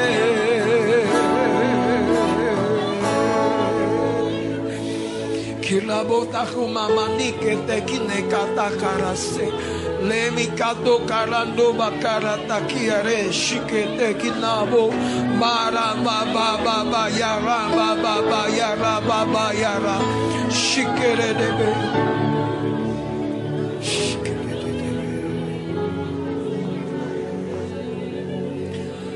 Saya mau sampaikan apa yang Tuhan Tuhan taruhkan di hati saya. Ada sebuah perjalanan yang menuju ujung yang mungkin kita tidak tahu apakah sebuah kebaikan atau bukan. Tapi semua perjalanan kita menuju ujung. Ini yang Tuhan taruhkan. Entah kebaikan menurut ukuran manusia atau tidak. Tapi ketika engkau dan saya siap sedia dengan roh yang menyala-nyala, engkau akan mengubahkan lembah air mata menjadi lembah puji-pujian dan sorak-sorai. Engkau akan membuat lembah baka menjadi lembah bermata air.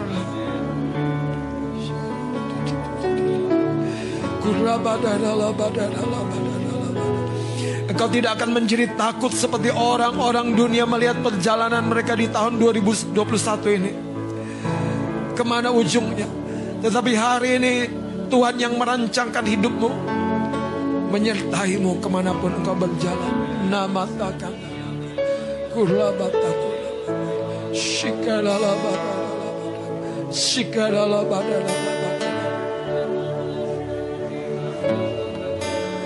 Perkataanku datang bagi setiap engkau hamba-hambaku pelayanku. Janganlah takut dan gentar lagi Sebab sesungguhnya aku ada bersama-sama dengan engkau untuk memberikan kekuatan. Aku yang akan memberikan engkau jubah Yang membuat engkau terlindungi dan tertudungi. Engkau tidak akan diancam oleh mara bahaya Tetapi engkau akan teguh kokoh berdiri pada jalan yang aku tetapkan untuk kau tempuh. Bertempik soraklah hamba-hambaku para pelayanku, umatku. Karena sesungguhnya aku yang menjadikan segala sesuatu yang berat akan kau tempuh dalam kemudahan kasih karuniaku. Aku yang akan membuat engkau melihat jalan-jalan yang tidak mungkin terbuka bagimu. Terbuka. Demikian perkataanku bagi setiap engkau adanya. Nama sakarala sakarala sakarala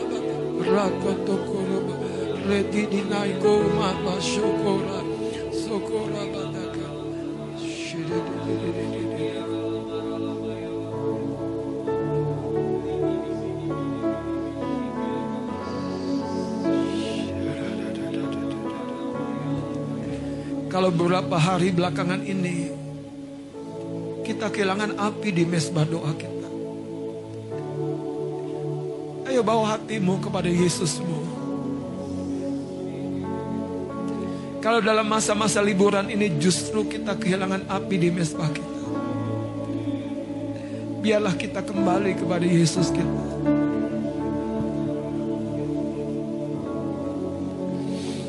Pagi hari ini Tuhan, bahwa aku terus menikmati hadiratmu apa pun dan bagaimanapun jangan biarkan aku kehilangan engkau jangan biarkan kami kehilangan engkau biarlah kami terus hidup Tuhan dalam naungan hadiratmu biarlah mata kami terbuka sementara kami terpejam biarlah kami melihat sementara kami rasanya menembusi kegelapan karena kami tahu Rohmu Tuhan yang membuat apa yang tidak mungkin menjadi mungkin. Di dalam nama Yesus, tahun 2021 ini kami akan jalani dengan urapan Tuhan. Maka kami akan melihat yang mustahil akan terjadi. Yang tertunda akan segera terjadi. Yang terhalangi akan terbuka di dalam nama Yesus.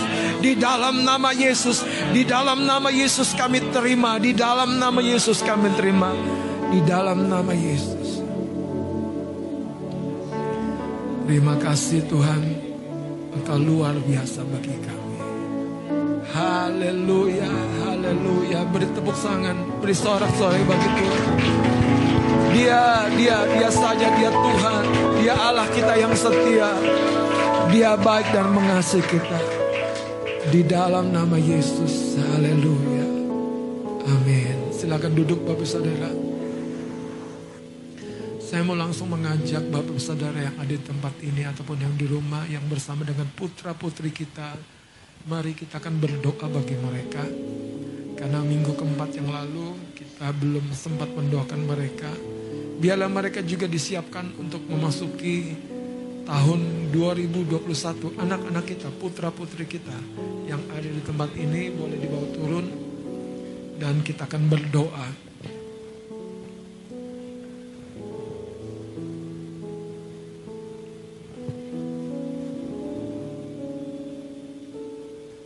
Baik, mari maju ke depan kita akan langsung berdoa.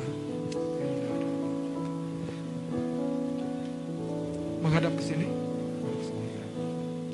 Mundur dikit satu langkah, mundur satu langkah.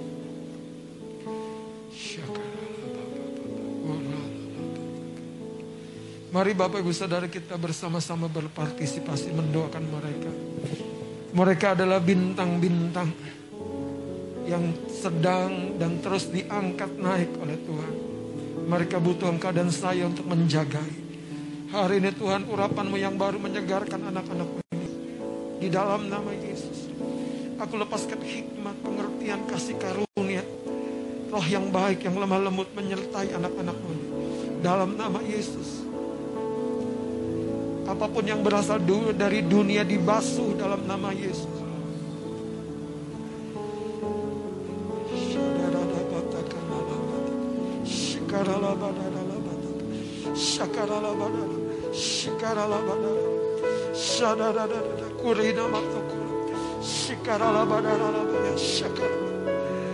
Biar urapan Tuhan menyertaimu dalam nama Yesus. Hikmat pengertian akal budi yang baik diberikan dalam nama Yesus. Kasih sayang Tuhan menyertaimu. Cinta daripada Tuhan Yesus Kristus membuat engkau teguh kokoh di dalam nama Yesus Kristus. Engkau dijadikan berhasil. Sekalipun engkau kecil, lemah secara manusia. Tapi di dalam Tuhan engkau adalah putra dan putrinya. Kebaikan dan kemurahan Tuhan menyertaimu dalam nama Yesus Kristus.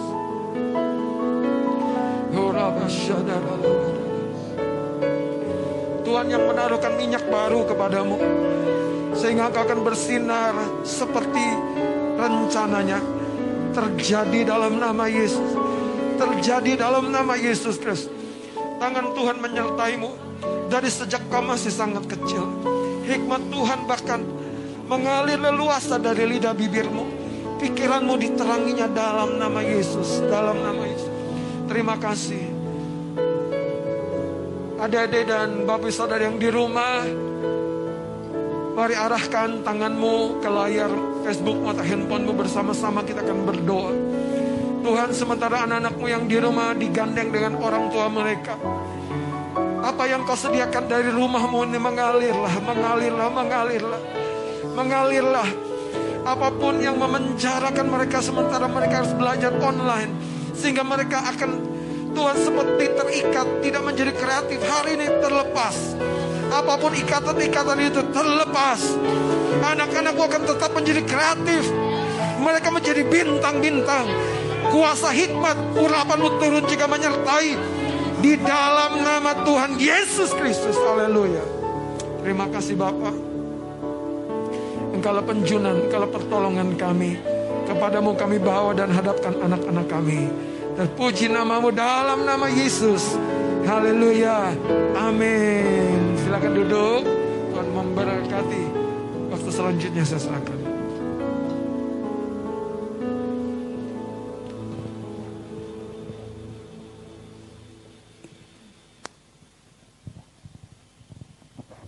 Baik, puji nama Tuhan.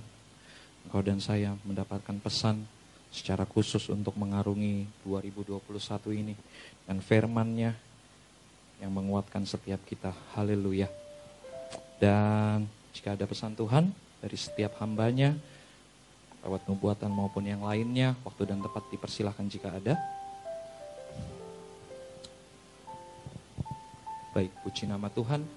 Kita akan mendengarkan terlebih dahulu formasi kegiatan sepekan hari Minggu tanggal 3 Januari 2021. Yang pertama tidak ada kegiatan di minggu-minggu ini, jadi Rabu bahkan sampai nanti Sabtu tidak ada kegiatan dan kita berjumpa kembali Bapak Ibu Saudara-saudari terkasih minggu depan tanggal 10 Januari untuk sama-sama kita uh, ibadah raya di gereja Tuhan di tempat ini di Kebon Ceruk jam 9.30 dan secara khusus minggu depan kita akan dilayani oleh Bapak Pendeta Jabar Sirait selaku ketua pimpinan daerah. Dan kita akan membawa korban persembahan dan persembahan persepuluhan kita sebelum nanti secara khusus ada arahan dari Bapak Gembala Kami himbau buat setiap jemaat Tuhan yang berada di rumah, persembahan dapat ditransfer ke rekening bendahara gereja atau dapat juga dititipkan melalui sekretariat gereja di Tanah Kusir. Kami persilakan kepada Bapak Gembala untuk memberikan arahan untuk persembahan persepuluhan kita. Baik, yang pertama untuk informasi minggu depan, eh, ya kita akan dilayani oleh Bapak Pendeta Jabar Sirait dan doakan kami, kami suami istri sebagai gembala akan berangkat ke Surabaya hari Sabtunya tanggal 9 untuk menghadiri eh, acara pentahbisan pelanjut penggembalaan GPI Eluzai Surabaya. Jadi Bapak Pendeta John Bega sebagai gembala dan perintis akan melimpahkan pengembalaan kepada putranya. Dan kami sebagai pimpinan pusat akan hadir memberikan dukungan pada hari minggunya. Dan saya mendapat tugas pelayanan juga dalam ibadah raya minggu sore. Jadi doakan, doakan. Dan saudara, biarlah setiap langkah kita sekali lagi akan menceritakan tentang pekerjaan Tuhan. Amin ya. Baik Bapak Saudara kita akan membawa persembahan kita. Sekali lagi persembahan adalah ungkapan syukur dan bagian daripada penyembahan. Bagian dari penyembahan. Kenapa persepuluhan penting? Persepuluhan bukan rutinitas dan ritual gereja, tapi persepuluhan adalah sebuah bentuk ikat janji Tuhan dengan kita, kita dengan Tuhan. Itu sebabnya dalam sebuah cerita ketika Abraham berperang dan dia mendapatkan jaran dan hasil, dia membawa kepada iman Imam Melkisedek sepersepuluh dari hasil jarannya. Saudara, itu menandakan bahwa Abraham tahu siapa yang memberi kemenangan, yaitu Tuhan. Jadi waktu kita membawa persepuluhan, bawa dengan kesadaran bahwa kita tidak kehilangan sesuatu, justru sebaliknya. Kita sedang mengalami sebuah tingkap langit yang terbuka, kata janji Tuhan Malaikat 3 ayat 10. Malaikat 3 ayat 10. Nah, firman ini akan tergenapi waktu kita taat. Kita melakukan bagian kita. Karena itu Mari kita berdoa. Mari genggam setiap korban persembahan yang ada di tangan Bapak Ibu Saudara. Saya akan berdoa. Apa pun korban persembahan yang kami mau bawa ke hadapanmu Tuhan. Kami tidak bawa dengan keluh kesah, tapi kami bawa dengan sukacita. Bahkan setiap persepuluhan yang kami bawa, Tuhan, kami tahu dan sadar ini adalah ikat janji. Inilah caramu untuk memberkati kami. Caramu untuk membawa kami berkelimpahan. Karena itu manifestasikan kemurahanmu, kasih sayangmu Tuhan. Berkati setiap anak-anakmu Tuhan, tanpa terkecuali ya Allah. Sebab engkau Allah yang selalu ingin memberkati dan memberkati dalam kemurahanmu dan kebaikanmu Tuhan. Aku memberkati segala usaha pekerjaan mereka. Kau bertambah-tambah, kau buat bertambah-tambah Tuhan sehingga nama Tuhan yang dipermuliakan. Terima kasih Bapak di dalam surga. Kami akan mau bawa kami akan kami mau akan bawa persembahan yang kami siapkan ini dengan ucapan syukur kepadamu di dalam nama Tuhan Yesus Kristus. Haleluya. Amin. Sambil kita bawa korban persembahan kita dan persepuluhan kita, mari kita angkat pujian ini. Engkau dan saya umatnya yang berbahagia, umatnya yang bersyukur sebab dia Tuhan abadi. Dia Tuhan Yesus jadi milik kita seutuhnya. Haleluya. Mari kita angkat pujian ini bersama. Sama-sama katakan. Aku berbahagia Teguh Yesus abadi Yesus abadi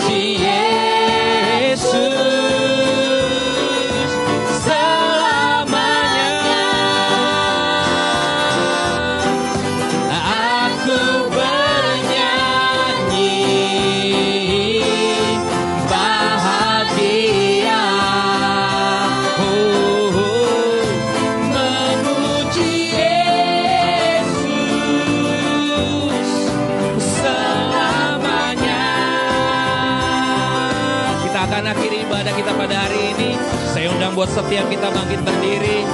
Kalau boleh sejenak kita tengok yang sebelah kanan ke kiri. Ada yang baru kita saya lihat. Wajah baru sebelahnya kakak kita, kakak Mary. Iya, ada yang baru ya. Boleh disapa dong. Hai, selamat datang. Selamat beribadah, selamat tahun baru. Tuhan Yesus memberkati buat setiap kita. Amin. Betapa bersyukurnya kita di awal tahun yang baru ini ada gairah, ada semangat, ada roh Tuhan yang menyala-nyala di tengah-tengah kita. Itu juga yang akan kita bagikan juga buat saudara-saudari terkasih yang ada di rumah. Kita angkat tangan kita, kita bawa doa syafaat kita di hadapan Tuhan. Mengakhiri ibadah kami pada hari ini. Kami angkat tangan kami, kami bawa doa kami di hadapan Tuhan. Khususnya bagi bangsa kami, bangsa Indonesia. Kami berdoa di tahun yang baru ini, pemulihan terjadi atas bangsa Indonesia. Sesuatu yang besar, sesuatu yang dahsyat terjadi di tiap bidang-bidang kehidupan, bahkan di tiap-tiap bagian pemerintahan, kesehatan, keamanan, semua yang baik terjadi di dalam nama Yesus. Hidup kami berjalan dari anugerah kepada anugerah yang lebih besar lagi. Hidup kami menceritakan kemuliaan Tuhan. Hari ini Engkau nyatakan mulai dari pemerintahan yang paling tertinggi sampai yang terbawah, jajarannya semua Tuhan mengalami campur tangan kasihnya Tuhan. Hari ini kami hidup karena kasih karunia, hidup kami karena anugerah, hidup kami karena kemurahan Tuhan. Itu yang akan kami lewati jalani sepanjang tahun ini di dalam nama Yesus. Kami berdoa buat GPI Kemah Pujian, gerejamu Tuhan di tempat ini. Hikmat dan tuntunan Tuhan menyertai tiap-tiap kami, para pemimpin, khususnya Bapak Ibu Gembala. Nyatakan rancanganmu, nyatakan karyamu, penyediaanmu sempurna buat kehidupan mereka Bapak Ibu Gembala, suami istri. Dan itu juga yang akan dinikmati untuk setiap jemaat Tuhan. Kami berdoa, kami nyatakan terobosan, terobosan keuangan, terobosan demi terobosan pemulihan keluarga. Bahkan kami berdoa secara khusus gedung gereja yang baru. Terjadi keajaiban, terjadi campur tangan Tuhan. Sorga terbuka, sorga tersedia buat kehidupan kami. Kami bersyukur Tuhan, kami umat yang berbahagia. Bukan karena apa yang kami lihat, tapi apa yang kami percaya. Hidup kami karena penyertaan Tuhan, penyertaan Tuhan, penyertaan Tuhan. Karena itu kami mau nyanyikan ini. Kami mau nyanyikan pujian ini untuk selama-lamanya. Aku bernyanyi bahagia karena Yesus. Haleluya, haleluya. Aku bernyanyi.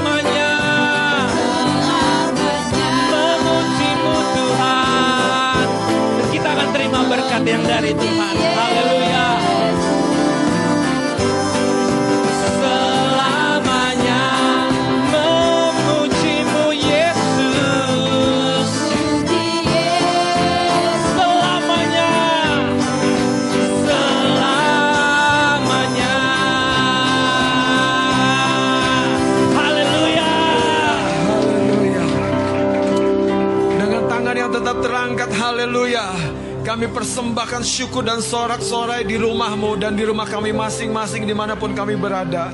Di permulaan tahun ini Tuhan, kami percaya inilah tahun rahmat Tuhan. Inilah tahun anugerah Tuhan. Amin. Inilah tahun di mana urapanmu porsi ganda menyertai kami. Supaya kami mengeksekusi waktu yang terbatas ini. Rencana Tuhan terjadi di bumi seperti di surga. Di kehidupan kami seperti yang kau rencanakan di surga. Di rumah tangga kami, di masa muda kami terjadi. Segala berkat ini tercurah. Yaitu kasih karunia dari Allah dan Bapa di dalam surga. Dari Tuhan Yesus Kristus yang sudah menderita, mati dan bangkit pula dan menjadi penolong dan pembebas kehidupanmu senantiasa. Dia tidak berubah dan belum pernah dan tidak akan berubah selama-lamanya. Dan kiranya urapan dan kuasa Roh Kudus menyertai engkau dan saya. Engkau disertai dan berkatinya menjadi umat yang lebih dari pemenang. Hari ini sampai selama-lamanya di dalam nama Tuhan Yesus Kristus. Haleluya kita semua ini berkati katakan amin, amin dan amin. Haleluya. Tuhan Yesus memberkati. Selamat tahun baru. Selamat tahun baru, selamat hari Minggu, Tuhan Yesus memberkati.